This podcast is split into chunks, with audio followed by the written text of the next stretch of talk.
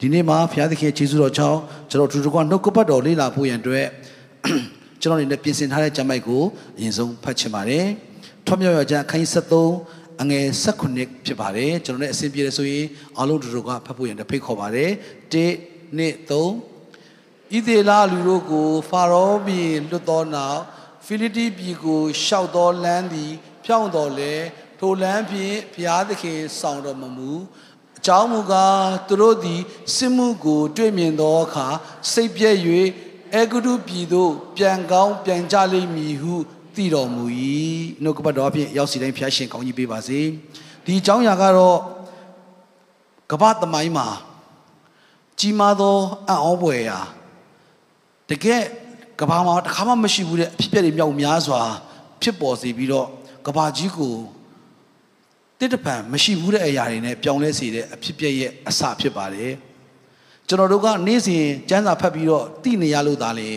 ဒီအကြောင်းအရာတွေကိုစိတ်ဝင်စားမိတာဖြစ်ပေမဲ့ဒီတမန်ကျမ်းစာထဲမှာကတော့ဣသေလလူတို့ဒီတဲ့ဖာရောပြင်လွတ်သောနောက်ဆိုတဲ့အကြောင်းအရာလေးကနှစ်ပေါင်း400ကျော်ကျွန်ခံရတဲ့ဘဝပါတယ်ဆိုတာတွေ့ရတယ်ဣသေလလူမျိုးတွေအီဂျစ်ပြည်မှာနှစ်ပေါင်းမြောက်များစွာကျွန်ခံရတဲ့နောက်ပိုင်းမှာဖျားသခင်ကကယ်ထုတ်တဲ့နောက်ပိုင်းမှာ သူတို့ကိုတဲ့ဖိလိတိပြည်ကိုရှောက်တော်လမ်းပြီးဖြောင့်တော်လေတဲ့သူတို့ဘို့သွားရမယ့်ခါနန်ပြည်ကိုသူတို့ဒီဒီဖိလိတိဆိုတဲ့လူမျိုးတွေနေတဲ့နေရာကိုဖျက်ပြီးတော့သွားမယ်ဆိုရင်တဲ့ရက်အနှဲငယ်သာကြာနိုင်တော်လေအကြောင်းမူထိုလမ်းဖြင့်ဖျားသခင်ဆောင်တော်မမူအစဉ်ပြေဆိုရင် PowerPoint ကိုထူထားပေးပါထိုလမ်းဖြင့်ဘုရားသခင်ဆောင်တော်မမူအကြောင်းမူကား သူတို့သည်စစ်မှုကို တွေ့မြင်သောအခါစိတ်ပြည့်၍အဲဂုတုပြည်သို့ပြန်ကောင်းပြန်ကြလိမ့်မည်ဟုသိတော်မူ၏သူတို့သည်ဖိလိတိတိုင်းပြည်ကြီးကိုဖျက်တယ်ဆိုရင်စစ်တိုက်ရမယ်သူတို့သည်နှစ်ပေါင်း400ကျော်ဆွေစဉ်မျိုးဆက်30လောက်ကာကြီးခါခွေကငယ်တော့မတိတော့တစ်နှစ်3လေးတော့မတိစည်ရေးစည်ရဆိုပို့ဆိုတကယ်ကိုကြမ်းတမ်းတဲ့ဂျုံဘဝ အိတ်ချင်တယ်မအိတ်ရစားချင်တာမစားရတစ်ချိန်လုံးတော့အကျင့်ပါနေတဲ့ဟိုဂျုံဘဝကြီးတဲ့ကနေပြီးတော့ဖိလိတိတိုင်းပြည်ကိုဖြတ်တယ်ဆိုရင်စစ်တိုက်ရမှာမို့လို့သူတို့ဒီကြောက်အားကြီးပြီးတော့သူတို့ဒီဂျုံဘဝဖိလိတိတိုင်းပြည်မှာဂျုံခံကောင်းဂျုံခံနိုင်တယ်ဒါမှမဟုတ်ဆိုရင်အဲဂုတုတိုင်းပြည်ကိုပြန်ပြေးပြီးတော့ဂျုံဘဝကိုပြန်ရောက်နိုင်သောကြောင့်တဲ့ထာဝရဘုရားသခင်ဒီသူတို့စိတ်ပြက်မှာကိုတည်သောကြောင့်အဲဂုတုပြည်သို့သွားမှာကိုတည်သောကြောင့် အဲ့ဒီလမ်းနဲ့ဘုရားသခင်ကအနည်းဆုံးလမ်းနဲ့မပို့ဆောင်ပဲနေတဲ့ထာဝရရှင်ဘုရားသခင်ဒီသူတို့အတွက်အကောင်းဆုံးသောလမ်းကိုပို့ဆောင်နေဆိုတာကိုကျွန်တော်တို့အငယ်၁၈မှာတွေ့ရပါတယ်ဒါကြောင့်မလို့ကျွန်တော်ဒီနေ့ပြင်ဆင်ထားတဲ့နှုတ်ကပတ်တော်ရဲ့ခေါင်းစဉ်ကတော့ဖျားရွေတော်လမ်းဆိုပြီးတော့ကျွန်တော်ပြင်ဆင်ထားပေးပါတယ်အားလုံးတို့ကဖတ်ပေးပါဦးဒီနေ့ဒီဖျားရွေတော်လမ်းကကျွန်တော်နဲ့မိတ်ဆွေတို့ အကောင်းဆုံးဖြစ်တယ်ဆိုတာကိုပိုရေးနားလည်အောင်မကဖျားရွေတော်လမ်းဒီကျွန်တော်တို့ဘဝတရာအတွက်အလုံးချုံဆုံးအစင်ပြေဆုံးအအောင်မြင်ဆုံးအကောင်းဆုံးဖြစ်တယ်ဆိုတာကိုပိုရေးနားလည်နိုင်ဖို့ဘုရားသခင်ကောင်းကြီးပေးပါစေကျွန်တော်ကိုယ်ကွယ်သောဘုရားသခင်ဒီကျွန်တော်တို့နေ့စဉ်စားဖို့ပတ်စံလေးရရှိဖို့နေ့စဉ်ကျွန်တော်တို့ဘဝအစဉ်ပြေနေဖို့လောက်ပဲကျွန်တော်တို့ကလိုအပ်လို့ထင်ပေမဲ့အဲ့ဒီဘုရားသခင်ကကျွန်တော်တို့ရဲ့ဘဝမှာ ဘယ်လိုရှောက်လန်းရမယ်ဆိုတဲ့လမ်းခီးအသေးစိတ်ကိုကအစစိတ်ဝင်စားသောဘုရားသခင်ဖြစ်ပါတယ်အာမင်ဆွေစီမျိုးဆက်တစ်ဆက်လေးအီဂျစ်ပြည်ကနေထွက်လာတဲ့အမျိုးလေးကိုပဲအေဂုတုပြည်ကိုပို့ပေးမယ်ဆိုတဲ့လောက်ပဲကိုဘုရားသခင်စိတ်ဝင်စားဖို့ပဲနဲ့အဲ့ဒီအီဂျစ်ပြည်ထွက်လာတဲ့လူတွေရဲ့သားသမီးဆွေစီမျိုးဆက်အားလုံးရဲ့အနာဂတ်ရဲ့လမ်းခီးကိုလည်းယူပေးတော်ဘုရားသခင်ဖြစ်ပါတယ် ဟာလေလုယာသူတို့ဘဝရဲ့လမ်းခီးကမตายာမှာကြောက်လို့သူတို့ဘဝအလာခတ်ခီးကအစင်မပြေမှာကြောက်လို့သူတို့ဘဝရဲ့အနာခီးကတကယ်ကိုလူတွေနဲ့လူအစင်တန်းမမီမှာကြောက်လွန်းလို့ထာဝရရှင်ဖရာသခင်ကသူတို့သွားမဲ့လမ်းကိုရွေးပေးတဲ့ကဲ့သို့မိတ်ဆွေရဲ့ဘဝအသက်တာရဲ့နာဂတ်သားသမီးရဲ့ဘဝကိုလည်းရွေးပေးတော့ဘုရားခင်ဖြစ်ပါတယ်ဟာလေလုယာအာမင်အဲ့ဒီဘုရားသခင်ကအယံချစ်စရာကောင်းတယ်တမန်ကျမ်းစာထဲမှာထာဝရရှင်ဘုရားသခင်ဒီတဲ့သင်တို့ကိုအမီးမဖြစ်စေခြင်းဘူးတဲ့ အမီးလို့ပြောတဲ့အခါမှာကျွန်တော်တို့ကခွေးမီးနွားမီးတော့ပဲမြင်အောင်တာတကယ်တမ်းတော့အမီးလို့ပြောတဲ့အခါမှာကြုံမဖြစ်စေချင်ဘူးတဲ့သသင်တို့ရဲ့ဘဝကြီးသည်ဘယ်သောအခါမှအရှိကိုမရောက်နိုင်တော့ဘူးသင်တို့ဘဝတည်ကြီးသည်သူများတွေရဲ့နောက်မှာပဲတစ်ချိန်လုံးကြုံဖိနှိပ်ခံရပြီးတော့တကယ်ကိုတန်ဖိုးမရှိတော့သူဘဝတရားဖြစ်ဘုရားသခင်ကအလိုမရှိတော့ကြောက်မလို့သင်တို့ဘဝတရားသည်သူများတွေရဲ့ရှေ့မှာအရင်ဆုံးဥကောင်းဖြစ်နေတဲ့ဥဆောင်တော်သူအောင်မြင်တော်သူ ပိုးရဲ့ပိုးရဲ့ထူးချွန်တော်သူဖြစ်ဖို့ရန်အတွက်ဖယားသခင်ကသူ့ရဲ့သားသမီးတွေကိုလိုချင်တဲ့ကဲ့သို့မျှော်လင့်တဲ့ကဲ့သို့မိတ်ဆွေကိုလည်းလိုချင်တယ်မိတ်ဆွေကိုလည်းမျှော်လင့်တော်ဖယားသခင်ဖြစ်ပါတယ်ဟာလေလုယာအာမင်အဲ့ဒီဖယားကမိတ်ဆွေကိုအယံချစ်တော်ဖယားသခင်ဖြစ်တယ်အဲ့ဒီလိုရောက်ဖို့ရန်အတွက်ကျွန်တော်တို့လမ်းဆိုတဲ့အရာကိုကျွန်တော်တို့အရွေးမှားရင်တော့အဆင်မပြေနိုင်ဘူးကျွန်တော်တို့အဖေနောက်လိုက်တယ်အမေနောက်လိုက်တယ်ဘယ်သွားသွားဘာမှဂူးဆိုင်ရှာမလို့ဘူးကျွန်တော်ဆိုပြောလေးရှိတယ်ဟာလို့ သူတို့သွားရင်အဆင်ပြေပါမလားအဖေပါတယ်ဘာမှဟိုတိတ်ကြည့်စရာလည်းမလိုဘူးအပြင်သွားလို့เนาะကျွန်တော်မရောက်ဘူးတဲ့နိုင်ငံပဲရောက်ရောက်မရောက်ဘူးနေပဲရောက်ရောက်လမ်းပြတူပါရဆိုရင်ကျွန်တော်တို့ GPS လည်းကြည့်စရာမလိုဘူးဘာမှလက်ကြည့်စရာမလိုဘူးဘသူဥဆောင်ပါလဲသူဥဆောင်ပါအေးဆေးပဲသို့တော့ကိုကိုတိုင်သွားရမယ်ဆိုရင်တော့ GPS ကြည့်ရမလားနေဘက်ကထွက်တယ်လေတစ်ပင်ပမာရှိတယ်လေစသည်ဖြင့်ကျွန်တော်တို့ကိုယ့်အကူကိုနီးလန်းရှာပြီးတော့လမ်းကိုရှာရတယ် ဒီနေ့မိတ်ဆွေနဲ့ကျွန်တော်ဘဝအသက်တာရဲ့အနာဂတ်အတွက်မိတ်ဆွေနေ့စဉ်ပြင်ဆင်နေတဲ့လမ်းကမိတ်ဆွေနဲ့ကျွန်တော်ဘဝအသက်တာထဲမှာအရန်အရေးကြီးပါတယ်။ဒါပေမဲ့တချို့သူတွေကကျွန်တော်သွားရမယ့်လမ်းကိုကြိုသိချင်တော့ဘေးရင်တွေမိကြတယ်။ဟာကျွန်တော်ဘေးရင်ကြည်ပေးပါဦးเนาะအထူးသဖြင့်ကျွန်တော်တို့ဘာဘာလို့ပန်းချန်နာသွားမယ်ဆိုရင်ညီလေးလာခဲ့လေเนาะကျွန်တော်ညီမလေးဘေးရင်ကြည့်ပါဦးကျွန်တော်တို့ရောင်ဝါးဝါးနဲ့เนาะအတင်းခေါ်လို့အလိန်ခန်းသူလည်းအများကြီးရှိကောင်းရှိနိုင်တယ်ဘာ ဖြစ်လို့သူတို့တွေကလက်ဖွားတို့ခြေဖွားတို့เนาะအကုန်ကြည့်ရတယ်ဆိုတော့လာမယ့်အနာဂတ်မှာဘာဖြစ်မလဲဆိုတော့ယူသိချင်လို့ကျွန်တော်ကြည့်ကြတယ်ယုံကြည်သူများနေတယ်လေအာ prophet တွေလာပြီးတော့ဆုတောင်းပေးပါဦးဘာဖြစ်မလဲမသိဘူးနော်အမျိုးမျိုးကျွန်တော်တို့ကြိုသိချင်တဲ့အရာတွေရှိကြတယ်ကျွန်တော်တို့အနာဂတ်ကိုကျွန်တော်တို့အရန်သိချင်ကြတယ်ကျွန်တော်တို့ကိုယ်ပိုင်လမ်းလျှောက်ချင်ကြတယ်ကိုယ်ပိုင်ရွေးချယ်ချင်ကြတယ်တကယ်၍ကြိုတင်ပြီးသိတယ်ဆိုရင်ကောကျွန်တော်တို့ပျော်မလားလို့မေးတယ် မပျော်ပြန်ဘူးသခင်ယေရှုခရစ်တော်ကိုယ်တော်တိုင်ဂေသရှင်မဥယျာဉ်မှာဆူတောင်းတယ်အိုးအဖာဤခွက်ကိုကျွန်တော်စီမှာလွန်သွားနိုင်ရင်လွန်သွားပါစေကျွန်တော်အလိုမဖြစ်ပါစေနဲ့ကိုတော့အလိုဖြစ်ပါစေ तू ကြိုတိနေတယ်ဖျားသားတော်ကိုတော်တိုင်ကြိုတိနေတဲ့အခြေအနေမှာ तू ဒီရွေးချယ်ရမယ့်အခြေအနေရောက်တိုင်းမှာ သူ့ရဲ့အလိုမဟုတ်ဘဲနဲ့ဖျားသခင်ရွေးချယ်ပေးပါလို့ဆုတောင်းတဲ့သူဒီနေ့ဒီမှာရှိအရောက်စီတိုင်းဒီလည်းပဲဘလို့အခြေအနေကြုံပါစေကိုတော်ကျွန်တော်လမ်းခီကိုကိုတော်ရွေးချယ်ပေးပါလို့ဆုတောင်းတော့သူဖြစ်ကိုဖျားရှိကောင်းကြီးပေးပါစေအာမင်ဟာလေလက်ကုပ်တစ်လက်ဖျားကိုချီးမွမ်းရအောင်တခါလေကြာရင်ကျွန်တော်ကရွေးချယ်မှုအတိုင်းကလေစီပွားရေးလူမှုရေးအရာရာအားလုံးရွေးချယ်မှုတွေကကိုယ်အလိုနဲ့ရွေးချယ်မှန်ကန်တယ်လို့ထင်တာတကယ်တမ်းတော့ကျွန်တော်တို့ရဲ့အတွေးခေါ်တွေကအကန့်အသတ်ရှိတယ်လို့ကျွန်တော်ခရဏပြောတယ်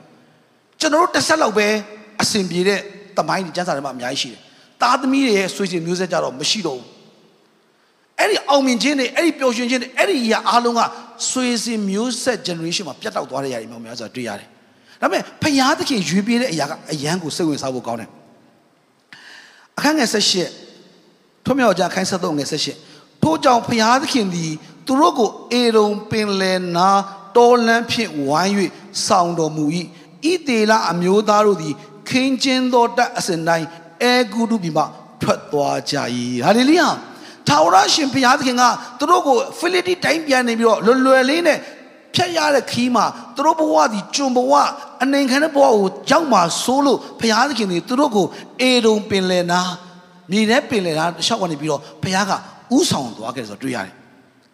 သူတို့ရဲ့ဘဝကိုထာဝရရှင်ဘုရားကြီးဥဆောင်လာတဲ့အရာအလုံးကအယမ်းစိတ်ဝင်စားဖို့ကောင်းတာကသူတို့အနေနဲ့စစ်ပညာမတတ်တော်ညာလည်းပဲဒီမှာ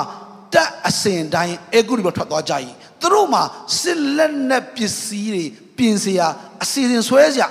program အားလုံးကိုထာဝရဘုရားသခင်က arrange စီစဉ်ပြီးတော့အားလုံးဥဆောင်သွားတယ်ဒီမှာတခုသတိထားမိတာတခုအငယ်16မှာ အထက်ကလာ၌ယောသတ်ကအကယ်စင်စစ်ဖျားသခင်သည်တင်တို့ကိုအကြည့်ရှုကြွလာတော်မူမည်အကျွန်ုပ်အယိုးတို့ကိုအင်ရက်မှယူသွား၍ရမည်ယူသွားရမည်၍ဣသေလအမျိုးသားတို့ကိုကြက်ကြက်ကျိန်ဆိုသောကြောင့်သူ၏အယိုးတို့ကိုမောရှေသည်မိမိ၌ယူဆောင်လေ၏ဖျားသခင်ကိုယုံကြည်သောယောသတ်နော်ကပ္ပဦးကျမ်းအခန်းကြီး39မှာကြည်လာတဲ့အခါမှာယောသတ်အကြောင်းကိုကောင်းကောင်းတွေ့ရတယ်ယောသတ်ဒီ တာမန်ကောင်လေးတယောက်ဖြစ်ပေမဲ့သူ့ဘဝအသက်တာဒီဖယားနဲ့သွားသောအခြေအနေကိုကျွန်တော်တွေ့ရတယ်ကပ္ပဦးကျမ်းခိုင်း39မှာသူ့ရဲ့ဘဝအသက်တာရဲ့အကြောင်းရဲ့အနည်းချုပ်ကအမှတွေ့ရတယ်ဣသေလဣရှမေလလူတို့သည်ယောသတ်ကိုဆောင်းသွား၍အဲဂုတုပြည်သို့ရောက်သောအခါအဲဂုတုအမျိုးသားဖာရောဘီအမတ်ဖြစ်သောကိုရန်တော်မူပေါ်တိဖာထံမှရောင်းကြ၏ယောသတ်အိမ်မာနေကလေးကအိမ်မက်ယူပါုံနေမြင်ပြီးတော့နေနဲ့အတူ နေကိုလာရီအားလုံးကကျယ်ရီအားရီအားလုံးကသူ့ကိုရှ िख ိုးကြတယ်ကောက်လိုင်းစီတဲ့အားလုံးကလည်းပဲသူ့ကိုရှ िख ိုးကြတယ်အဖေကိုပြောတယ်အကိုကိုပြောတယ်ဟာအိမ်မက်ဆရာလို့သူ့ညီကိုရကဲ့ရဲ့ကြတယ်အဲ့လိုမျိုးပြောရင်းနဲ့ပဲသူ့ညီအကိုတွေအချစ်ဆုံးသောညီအကိုတွေကသူ့ဘဝရဲ့အနာဂတ်သူကြိုတိနေတယ်တရက်မှာသူ့ကိုအဲ့လိုမျိုးဥချချလိုက်မှာကြိုတိနေတဲ့ဂျားကနေပြီးတော့ သူ့ရဲ့အတွေးခေါ်ထဲမှာငါကတော့အောင်မြင်မယ်ငါကတော့ဖခင်ကချီးမြှောက်မယ်ဆိုတော့ကြိုတိတဲ့ဂျားထဲကနေပြီးတော့သူ့ဘဝမှာ तू မလိုချင်တဲ့အရာတခုကဘာဖြစ်လဲဆိုတော့သူ့ညီအကိုတွေကသူ့ကိုရောင်းစားလိုက်တယ်လူလူဘဝကနေပြီးတော့ဂျုံဘဝကိုရောက်သွားခဲ့တယ်သူရဲ့အနာဂတ်ပျောက်သွားခဲ့တယ်သူဘဝတတာကတော့ဟိုငါနေ့စဉ်ရှောက်လန်းနေတဲ့လမ်းကဖရာသခင်ဥဆောင်တော်လမ်းကငါဒီ ဂျုံဘဝရောက်သွားခဲ့ပြီငါအဖေကငါဂျုံဖြစ်မှန်းအောင်မသိတော့ဘူးငါဘဝအနာဂတ်ကလည်းငါမှကြီးကိုလည်းမရှိတော့ဘူးငါကတကောင်ကျွတ်မျောလင်းချက်မဲ့တော်သူဖြစ်တယ်လို့သူဘဝသည်ငိုကြွေးနေတော့နေ့ရက်တွေ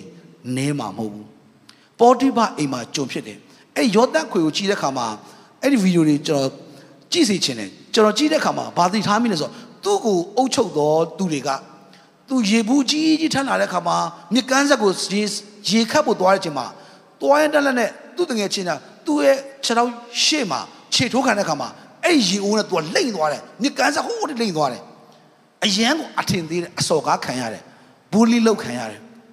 သူ့ဘဝအသက်တာပျော်ရွှင်နေတဲ့အဖေနဲ့သူပျော်ရွှင်နေတဲ့ဂျားတွေကနေပြီးတော့သူ့ဘဝအသက်တာဒီပျော်ရွှင်သောဘဝအသက်တာကိုရမလားလို့အိမ်မက်ကြီးပေါင်းနဲ့ဖျားပြောနေတဲ့ချိန်မှာသူ့ဘဝအသက်တာပျော်ရွှင်ခြင်းအလုံးကပျောက်သွားပြီးတော့ Spotify မှာရောက်သွားတယ်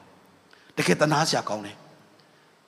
ကျွံလွန်နေရတယ်စားချိန်တမ်းမစားရဘူးအိတ်ချိန်တမ်းမအေးရတဲ့ဘဝသက်တာသို့တော့အငယ်နှစ်မှာထာဝရဘုရားသည်ယောသပ၌ရှိတော်မူသည်ဖြင့်သူသည်အကြံထမြောက်တတ်၏ဟာလေလုယာအာမင်ထာဝရဘုရားသည်မိတ်ဆွေဘက်မှာရှိနေသောကြောင့်မိတ်ဆွေသည်အကြံထမြောက်ဖို့ရန်အတွက်ဘုရားလိုတော်ရှိတယ်အာမင်ဖျားရွေးချယ်သောလမ်းသည်ကျွန်တော်တို့စဉ်းစားဉာဏ်နဲ့မတူရင်လည်းကြောက်စရာမလိုဘူး ဟာလေလုယာယောသတ်သည်သူ့ဘုရားသခင်ပြောသောနှုတ်ကပတ်တော်နဲ့လက်ရှိဖြစ်ပြနေသောအရာကလုံးဝတခြားစီပဲသူ့အကိုတွေကသူ့ကိုရှ िख ိုးဖို့နေတာသာသူ့ကိုလူတယောက်လိုတော့အစင်တမနာတော့ဘူးတရိတ်စန်တာတာပဲသူ့ကိုရောင်းစားပလိုက်တယ်သို့တော့သူ့ကိုဘုရားသခင်ကရွေးချယ်ပေးသောလမ်းသည်လူအမြင်မှာတော့တန်ဖိုးမရှိပေမဲ့ဖယားသခင်ရွေးချယ်သောလမ်းကရောက်သောနေရာမှာအမီးမဖြစ်စေဘဲနဲ့ဖယားသခင်က ကောင်းဖြစ်စေပါတယ်အာမင်ဟာလေလုယာအဲ့ဒီဖခင်ကကျွန်တော်တို့မိတ်ဆွေကိုယ်ကွယ်တော်ဖခင်ယောသတ်ကိုယ်ကွယ်တော်ဖခင်ဖြစ်တယ်ဟာလေလုယာဘာဖြစ်လို့ဆိုတော့ယောသတ်ဒီတဲ့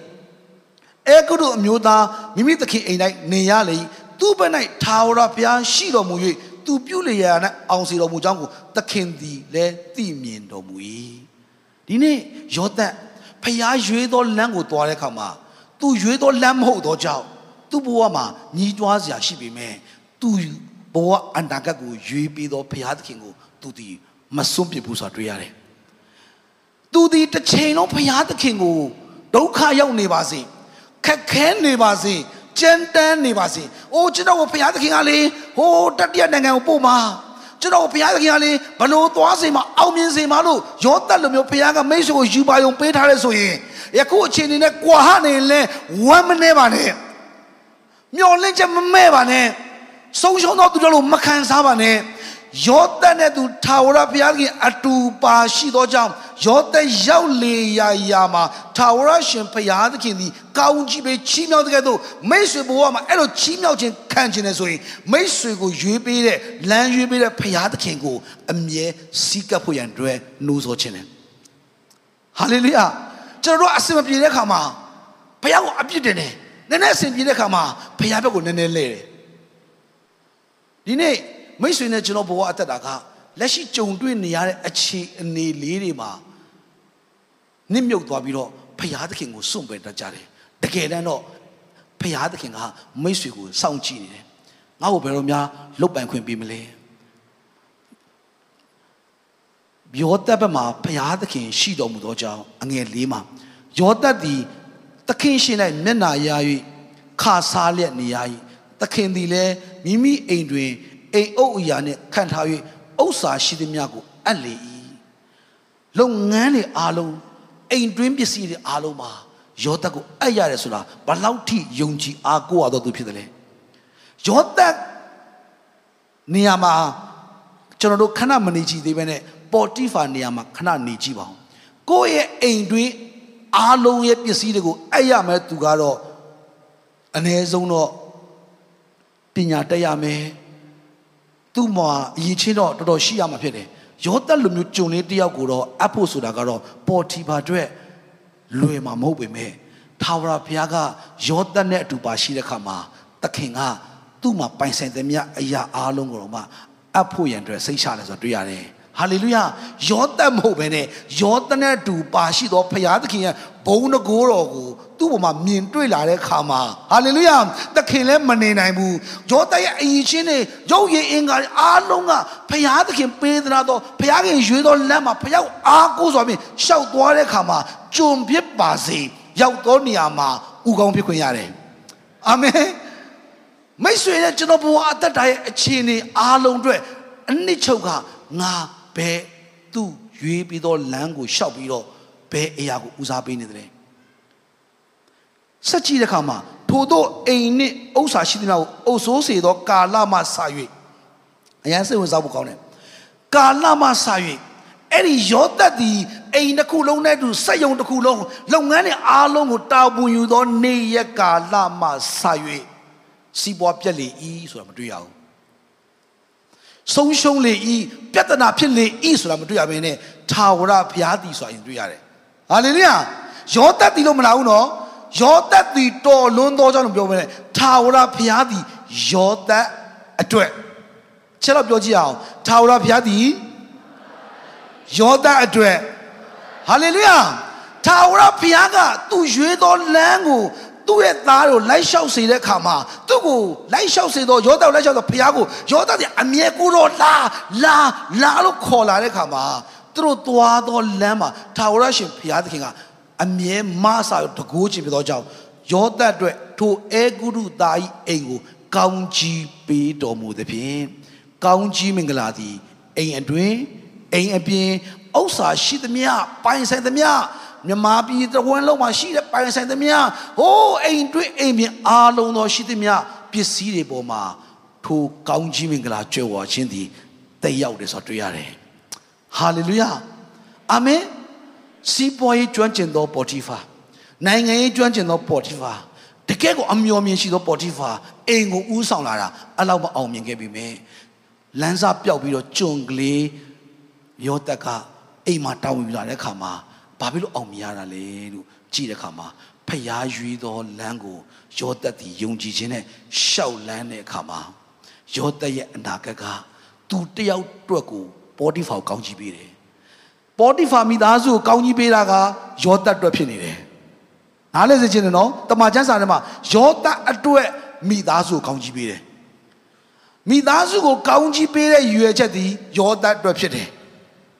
မိတ်ဆွေရောက်သောနေရာအားလုံးမှာဥကောင်းဖြစ်လာတဲ့အခါမှာမိတ်ဆွေရဲ့လုံသမျှအားလုံးဒီအောင်မြင်လာပြီးတော့မိတ်ဆွေနေသောနေရာပတ်ဝန်းကျင်အိမ်ရှင်တော်၎င်းအလုံးရှင်တော်၎င်းမိတ်ဆွေရောက်နေတဲ့ခဏတာမှာတော့မှမိတ်ဆွေရောက်နေသောနေရာကကောင်းကြီးကထူထူရှားရတာဖြစ်တယ်ဟာလေလုယာပိုးမကြတော့ဘူးအာမင်ရန်သူတွေတိုက်လို့မရတော့ဘူးဘယ်သူကဖျက်ဆီးလို့မရကောင်းကြီးမင်္ဂလာကဒီနေ့ဖယားသခင်ရွေးသောလမ်းကိုလိုက်တော့ဒီနေ့ ဖျားကြောက်လာတတ်သော online မှာရှိသောသူတွေအတွက်ဖျားသခင်ကြီးကောင်းကြီးပေးခြင်းနဲ့အာမင်သင်အတွက်သင်ရဲ့ boss ကိုကောင်းကြီးပေးခြင်းနဲ့သင်အတွက်သင်ရဲ့လုပ်ငန်းရှင်ကိုကောင်းကြီးပေးခြင်းနဲ့သင်အားဖြင့်ဖျားသခင်ကောင်းကြီးမင်္ဂလာခံစားစေချင်တာဖြစ်တယ်အာမင်ခိုင်းရကျွန်တော်စဉ်းစားတယ်ဒါဆိုရင်ကျွန်တော်ကောင်းကြီးမရတော့ဘူးပေါ့နော်အတွေ့လေးကကျွန်တော်တို့မြောက်တဲ့နေရာမှာဖះကောင်းကြီးပေးတယ်ဆိုရင်ကျွန်တော်ကကောင်းကြီးမခံစားတော့ဘူးပေါ့မဟုတ်ဘူးအဲ့ဒီဖះသခင်က ကျွန်ဘဝကနေပြီးတော့ကောင်းကြီးပေးလာတဲ့အခါမှာအဲ့ဒီလုပ်ငန်းအပြင်ကျွန်လေးသည်မထင်မှတ်သောချိန်မှာတကဘာလုံးကိုကျွေးသောယောသဖြစ်လာခဲ့တယ်ဟာလေလုယာအာမင်လက်ခုပ်တီးလက်ဖြောက်ဂုဏ်ပြုရအောင်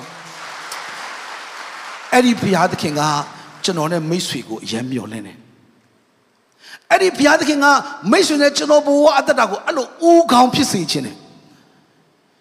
ပေါ်တီဖာအိမ်မှာနေတဲ့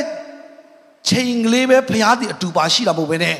တကဘာလုံးကိုကျွေးဖို့ရန်အတွက်အီဂျစ်တိုင်းပြည်တစ်ခုရဲ့ခေါင်းပါမှုကိုဖြည့်ဆည်းပေးဖို့ရန်အတွက်တော့မှဘုရားသခင်စိတ်ချတယ်ဆိုရင်ဒီနေ့မိတ်ဆွေရဲ့လက်ရှိအခြေအနေမှာမညီတွားမိပါစေနဲ့မိတ်ဆွေလက်ရှိကြုံတွေ့နေတဲ့အချိန်မှာဘုရားသခင်ပြောတယ်လေပြောသေးတယ်ဆိုတော့ဘုရားသခင်ရဲ့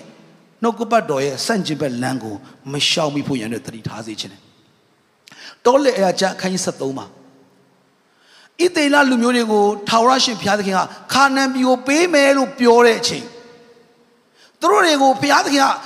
ခုနကဖိလိတိတိုင်းပြည်ကိုဖျက်ဖို့ရန်အတွက်ရဲ့အနေငယ်ပဲသွားရမယ်မှာမသွားရင်သွားခဲ့ရင်စစ်မှုနဲ့တွေ့ပြီးတော့ကြုံဖြစ်မယ်မဟုတ်ရင်အခုတို့ပြန်ပြိုပြန်ပြကြုံဖြစ်မယ်သူတို့အနာကပျောက်ပြီးဆိုတော့ဘုရားတည့်အချိန်မှာသူတို့ကိုတော်လန်းပြဆောင်ပြီးတော့မင်းတို့ရောက်ရောက်မဲ့ရေဒီခေါမျိုးကြီးကိုလှမ်းကြည့်ပါလူသူရှို12ယောက်လွတ်လိုက်တယ် သွားကြည့်ကြတယ်ဟာလူတွေကအရန်ထောက်ထောက်မောင်းမောင်းနေတကယ်ကိုတတ်မှထွားချိုင်းတာ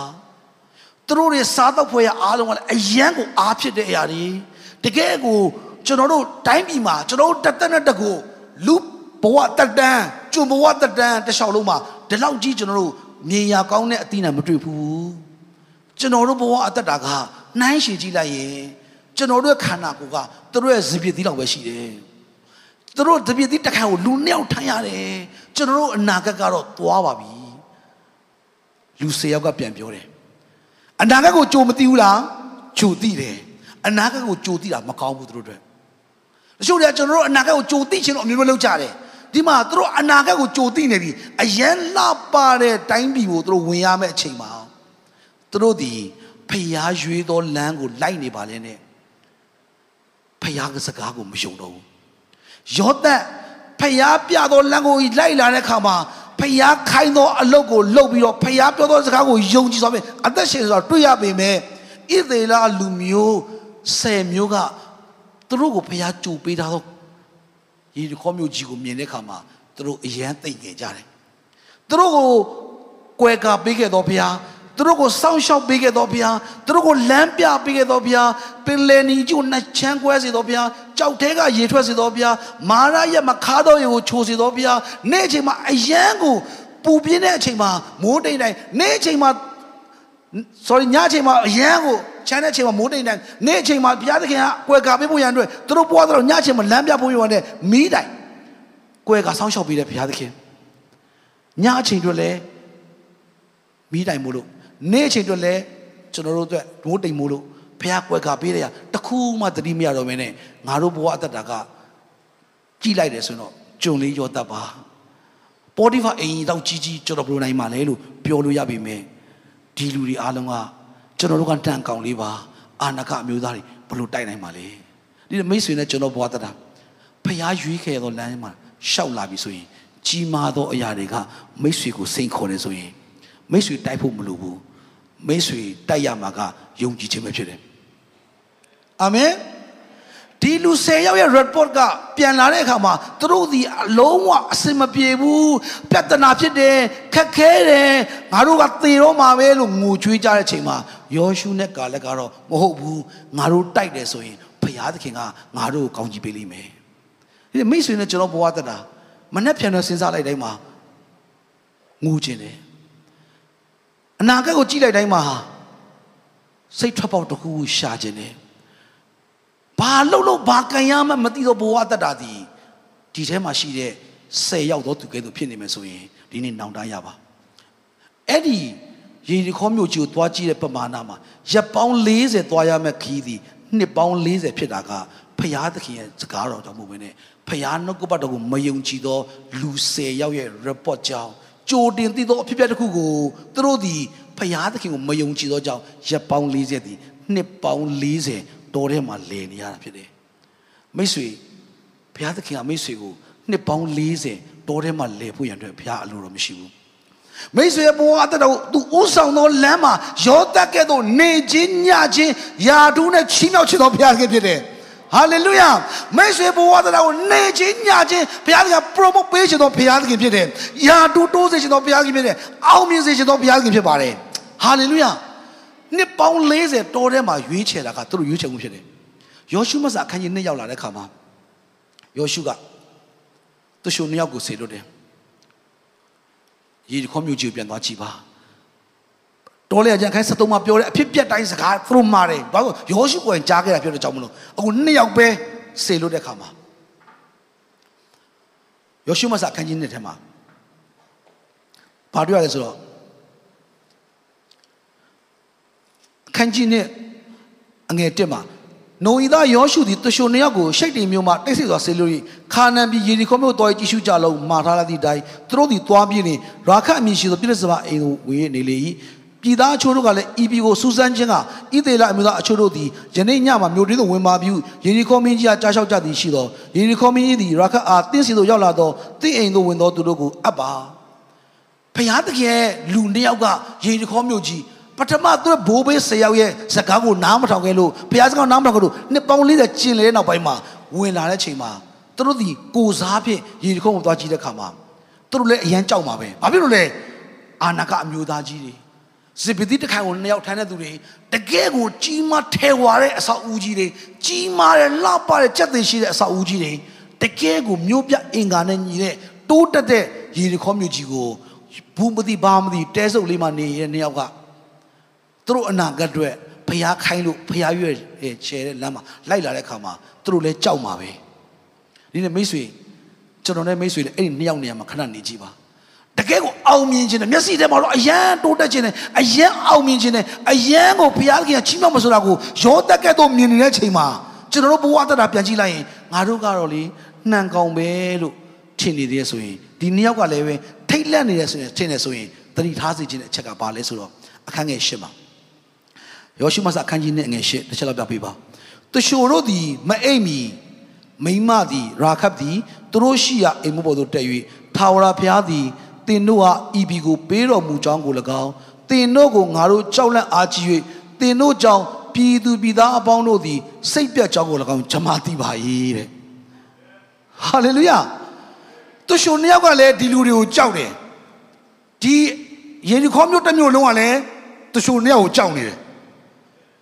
သူရှုံနှစ်ယောက်ကသူတို့ကြောက်မှလည်းမသိဘူးဟိုဖွဲ့တွေကလည်းသူတို့ကြောက်နေဆိုတော့တစ်ဖက်ကမသိပြန်ဘူးရာခဘကောင်းကောင်းသိတယ် တင်တို့ဒီအဲဂုရိမှာထွက်လာတော့အခါအေလုံပင်လယ်ရေကိုထာဝရဘုရားခန်းလျှောက်စေတော်မူကြောင်းကို၎င်းယော်ဒန်မြစ်တစ်ဖက်၌နေ၍တင်တို့ကိုရှင်းရှင်းဖြတ်စီသောအာမောရိရှင်ပြင်ရှိုံနှင့်ဩကာတို့၌တင်တို့ပြုတော်မူကို၎င်းအကျွန်ုပ်ကြားရပါ၏အငယ်ငယ်ဆက်တစ်ထိုသတင်းကိုကြားသောအခါအကျွန်ုပ်တို့သည်စိတ်ပြည့်၍တင်တို့ကြောင့်တစုံတယောက်သောသူနိုင်မြရဲရရှင်တတ္တိအလင်းမကျွင်းပါအကြောင်းမူကားတင်တို့၏ဘုရားခင်ထာဝရဘုရားသည်အထက်ကောင်းကင်ဘုံ၌၎င်းအောက်ရဲ့မြေကြီး၌၎င်း အစိုးရသောဘုရားသခင်ဖြစ်တော်မူ၏ဟာလေလုယာမိတ်ဆွေမရောက်ခင်မှာရန်သူတွေကမိတ်ဆွေကိုကိုတော့ဘုရားအကြောင်းကိုသိနေတယ်မိတ်ဆွေကိုဥဆောင်နေတော့ဘုရားအကြောင်းတို့အယံကိုထိတ်လန့်နေတယ်ကျွန်တော်တို့က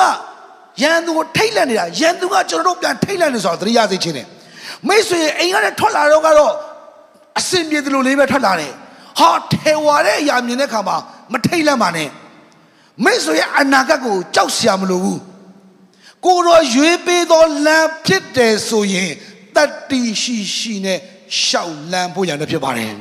လက်ကုပ်ပြပြောက်ချီးမွမ်းကြရအောင်ဟာလေလုယာခလုံးတိုက်မိတာလောက်လေးနဲ့မငိုပါနဲ့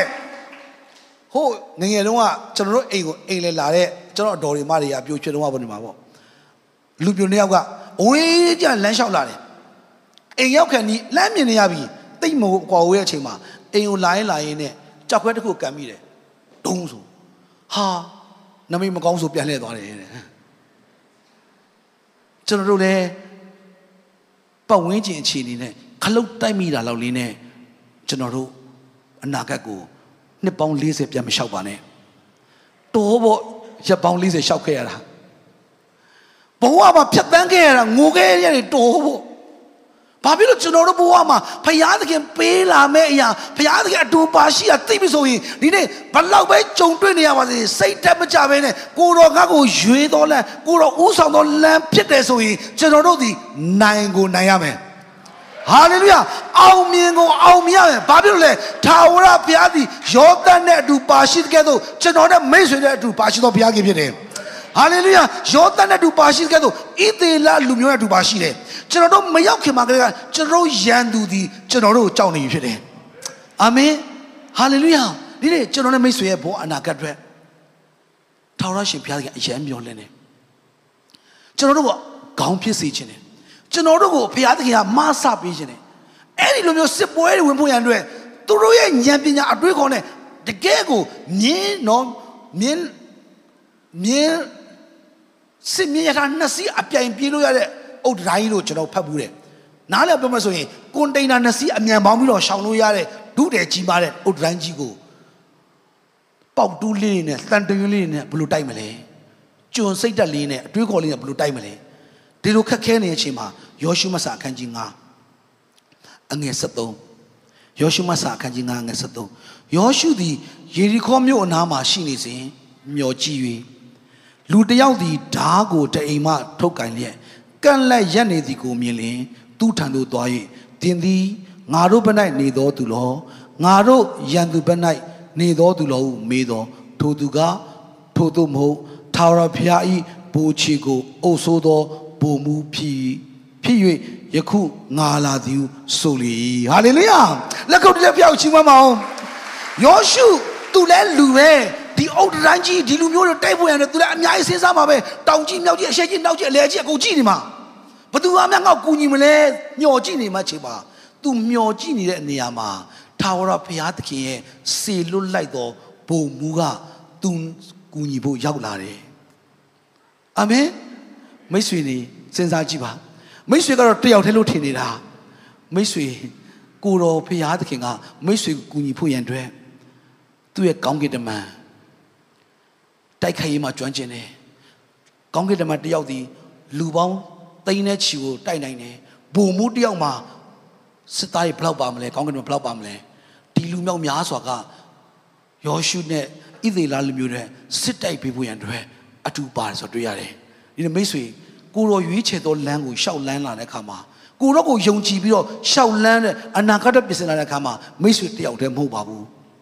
မိတ်ဆွေကိုချစ်တော်ဘုရားသခင်ရဲ့စေလို့တော်ကောင်းကင်တမန်တွေကဓာတ်နဲ့အစဉ်သင်းဆောင်ပေးနေတယ်။သိရန်သူတွေကိုတိုက်ဖိုက်ပေးဖို့ရတဲ့ဘုရားသခင်စေလို့ထားတဲ့ကောင်းကင်တမန်တွေအတူရှိနေပါတယ်။ယေရီခေါမြို့ကြီးကိုတိုက်ဖို့ရန်အတွက်ဒီနေ့ယောရှုတို့ကအော်လိုက်ရုံပဲ။ယေရီခေါမြို့ကြီးကိုတိုက်ဖို့ရန်အတွက်ပုံမူးတဲ့အဖွဲ့ကတာဝန်ယူပေးတယ်ဆိုတော့တွေ့ရတယ်။ဒီနေ့မိတ်ဆွေကျွန်တော်တို့ရွေးသောလမ်းက ဘယ်လမ်းဖြစ်နေသလဲ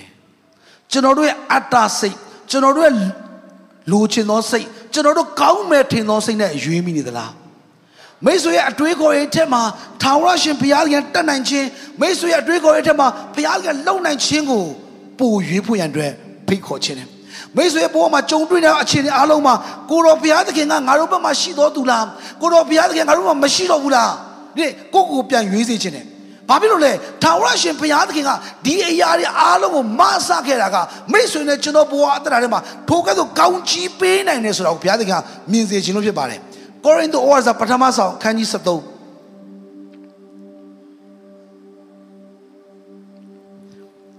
အခန်းကြီး30အငယ်7ကိုဖတ်ချင်ပါတယ်တစ်ကော30 7 ထိုအကြောင်းအရာရှိသမျှတို့သည် ပုံတက်တည်ဖြစ်ရသောငါသူတို့၌ထိုသူတို့၌ရောက်ကြပြီး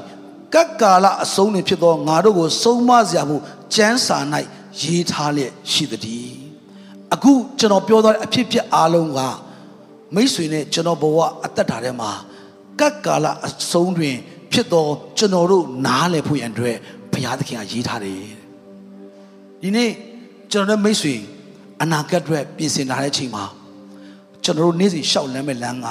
ယေရှုခရစ်တော်ဘုရားခင်ပါသလားမပါဘူးလားကျွန်တော်သွားမဲ့လမ်းကကိုတော်ပါသလားမပါဘူးလားကိုတော်စိတ်ခိုင်းသောလမ်းဖြစ်တယ်ဆိုရင်ကြိုတိဖို့လည်းမလိုပါဘူးကိုတော်တိဖို့လည်းလိုပါတယ်ဟာလေလုယာမိတ်ဆွေကြိုတိနေတယ်ဆိုရင်ထိတ်လန့်နေလိမ့်မယ်လူ၁၀ယောက်ကသူတို့ပိုင်မဲ့နေရာကိုကြိုတိတဲ့ခါမှာ သူတို့အတွေးခေါ်လည်းမမိနိုင်တဲ့ကြောင့်မလို့ကိုတော့ပေးချင်တာအကြီးကြီးကိုတော့ပေးချင်တာတကယ်အောင်မြင်မှုတွေကြီးကြီးသို့တော့သူတို့ရဲ့လက်ခံတဲ့ခွက်ကလေးကသေးနေတဲ့ခါမှာသူတို့တွေကတော့မစားနိုင်တော့ဘူးသူတို့ကြိုတိတဲ့ခါမှာသူတို့မယုံကြည်နိုင်တော့ဘူးဖခင်သခင်ကိုသူတို့ကန့်တက်ပလိုက်တယ်ဒီနေ့မိတ်ဆွေကြိုတိဖို့တည်းမကြိုးစားပါနဲ့ကိုတော့ကိုတိဖို့ပဲကြိုးစားရအောင်အာမင် မိတ်ဆွေဘဝအနာဂတ်မှာငါဘလို့အသက်ရှင်ရမလဲဘလို့ရှောက်လန်းရမလဲဆိုတဲ့အရာအားလုံးတွေစိတ်ပူဖို့လည်းမလိုဘူးကိုတော်ရှိနေဖို့လိုပါတယ်ကျွန်တော်ねနောက်ဆုံးကျမ်းစာဖတ်ချင်ပါတယ်ရှင်ဟောခရစ်ဝင်ခန်းကြီး16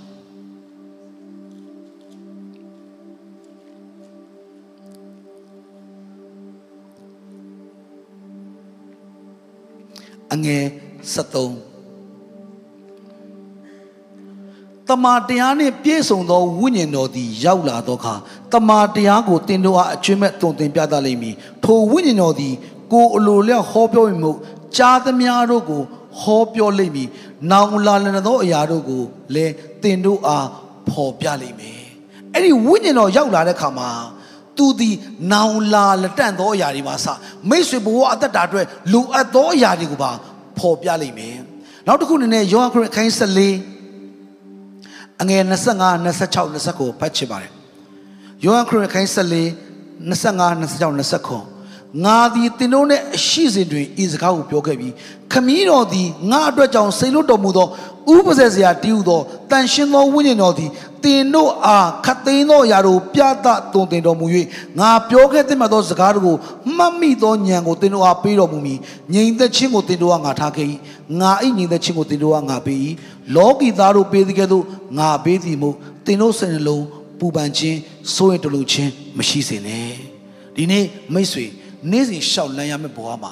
ကိုတော်ရွေးပေးသောလမ်းကိုရှောက်လန်းတဲ့အခါမှာကြိုတိဖို့လည်းကျွန်တော်နံပါတ်1မလို့သလိုကိုတော်ရှိဖို့ပဲလိုတယ်။ တန်ရှင်သောဝိညာဉ်တော်ရှင်ဘုရားသခင်ကိုရော့ကိုကျွန်တော်လိုအပ်ပါတယ်။ကျွန်တော်သွားရမယ့်ခရီးတွဲဝိညာဉ်တော်ရှင်ဘုရားသခင်မအစပေးပါလမ်းပြပေးပါလို့ပြောတဲ့အခါမှာကိုရောဘုရားရဲ့ဝိညာဉ်တော်သည်ငါသားငါသမီးဒီအဆုံးဖြတ်ချက်ကတော့မှန်ကန်တယ်ဆိုတဲ့ဖြင်းညင်သောအတန်ဒီပေတျုတို့ပေါလုကြားတဲ့ကဲ့သို့မိတ်ဆွေတို့ကျွန်တော်ပွားတာမှာကြားကိုကြားမှာဖြစ်ပါတယ် အာမင်မိတ်ဆွေတို့မှာဒီလမ်းကိုရှောက်ပါဒီညာဘက်ကိုကိုယ်ပါဘယ်ဘက်ကိုကိုယ်ပါဆိုတဲ့အရာကအလိုလိုနေနေဖယားသခင်ကိုနေရာပေးသောအုံနောက်ဖယားသခင်ကိုနေရာပေးသောခန္ဓာကိုဖြစ်လာတဲ့အခါမှာသင်ပြောသောစကားတွေသင်ဆုံးဖြတ်သောအရာတွေအလုံးကတမိုင်းမှာတခါမှမရှိဘူးတဲ့လမ်းကြောင်းတွေဒီဘုရားသခင်ကပြောင်းလဲပေးနိုင်ပါတယ်အာမင်ရေနှခေါမျိုးကြီးပြိုကျဖို့ရတမိုင်းမှာတခါမှမရှိဘူးပါဘူးပင်လယ်နီးဖြတ်ဖို့ရတမိုင်းမှာတခါမှမရှိဘူးသို့တော့ ဖယားဥဆောင်သောသူတွေရဲ့ဘဝမှာတမိုင်းဆိုတာကဖွင့်တော်သူဖြစ်လာခဲ့တယ်တမိုင်းကိုရေးတော်သူဖြစ်လာခဲ့တယ်ဟာလေလုယာဒီနေ့မိတ်ဆွေမိတ်ဆွေတမိုင်းကိုတခြားသူတွေရေးပြီးတော့အရာမှာထပ်ရေးဖို့ထက်မိတ်ဆွေရဲ့အောင်မြင်ခြင်းတမိုင်းကိုကိုတော်ကမိတ်ဆွေကိုယ်တိုင်ရေးဖို့ရန်အတွက်သူများနဲ့မတူအောင်မိတ်ဆွေကိုဘုရားသခင်ကကောင်းချီးပေးထားပါတယ်မိတ်ဆွေဘာခက်ခဲကြုံနေသလဲအဲ့ဒါတမိုင်းရေးဖို့ဖြစ်တယ် အာမင်မိတ်ဆွေဘလို့ကျင်းဆိုင်နေရတယ်လေအဲ့ဒီရင်ဆိုင်နေရတဲ့အခြေအနေအလုံးမှာတန်ရှင်သောဝိညာဉ်တော်ကိုဖိတ်ခေါ်ချင်ဟိုဝိညာဉ်တော်ဖျားကျွန်တော်ကိုမဆာရမှုပါကိုတော့ကျွန်တော်ဘယ်လမ်းကိုရွေးရမလဲဆိုတော့ဝိညာဉ်တော်ရှင်ဖျားသခင်ကိုနေရာပေးခြင်းအပြင်တခါမှမရှိဘူးတဲ့နေရာမှာလမ်းဖောက်ဖို့ရန်အတွက်ကိုတော့တကူတော့ကတင်ပွားရဲ့တမိုင်းစီးပွားရေးလုပ်ငန်းရှင်များအတွက်စီးပွားရေးလမ်းကြောင်းဒီနေ့မိတ်ဆွေပညာရေးလုပ်ငန်းအတွက်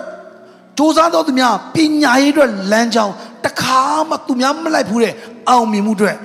စီးပွားရေးအတွက်အရာရာအားလုံးအတွက်ဒီနေ့ကိုတော်ရှင်ဘုရားသခင်သည်မိတ်ဆွေကိုဥဆောင်နိုင်ပါတယ်။ဒါကြောင့်မလို့ထာဝရရှင်ဘုရားသခင်ကအခုနကကျွန်တော်ဖတ်သွားခဲ့တဲ့ကြမ်းချက်မှာတပန်သူတို့သည်သူကိုယ်မှထွက်သွားကြတော့ကတောနာအေတန်မြို့၌စကန်ချတော်မူ၏ သူတို့သည်နေညသွားနိုင်အောင်ထာဝရဘုရားသည်နေ၌ကလမ်းပြဖို့မိုးတိမ်တိုင်းအားဖြင့်၎င်းည၌ကအလင်းမေးဖို့မီးတိုင်အားဖြင့်၎င်းသူတို့ရှိကကြွတော်မူ၍နေအချိန်၌မိုးတိမ်တိုင်းညအချိန်၌မီးတိုင်ကိုသူတို့ရှိမှရုပ်သိမ်းတော်မမူကိုတော်ကိုအရှိကသွားခိုင်းတဲ့ခါမှာဒီနေ့ကိုတော်ဥဆောင်ခိုင်းတဲ့ခါမှာ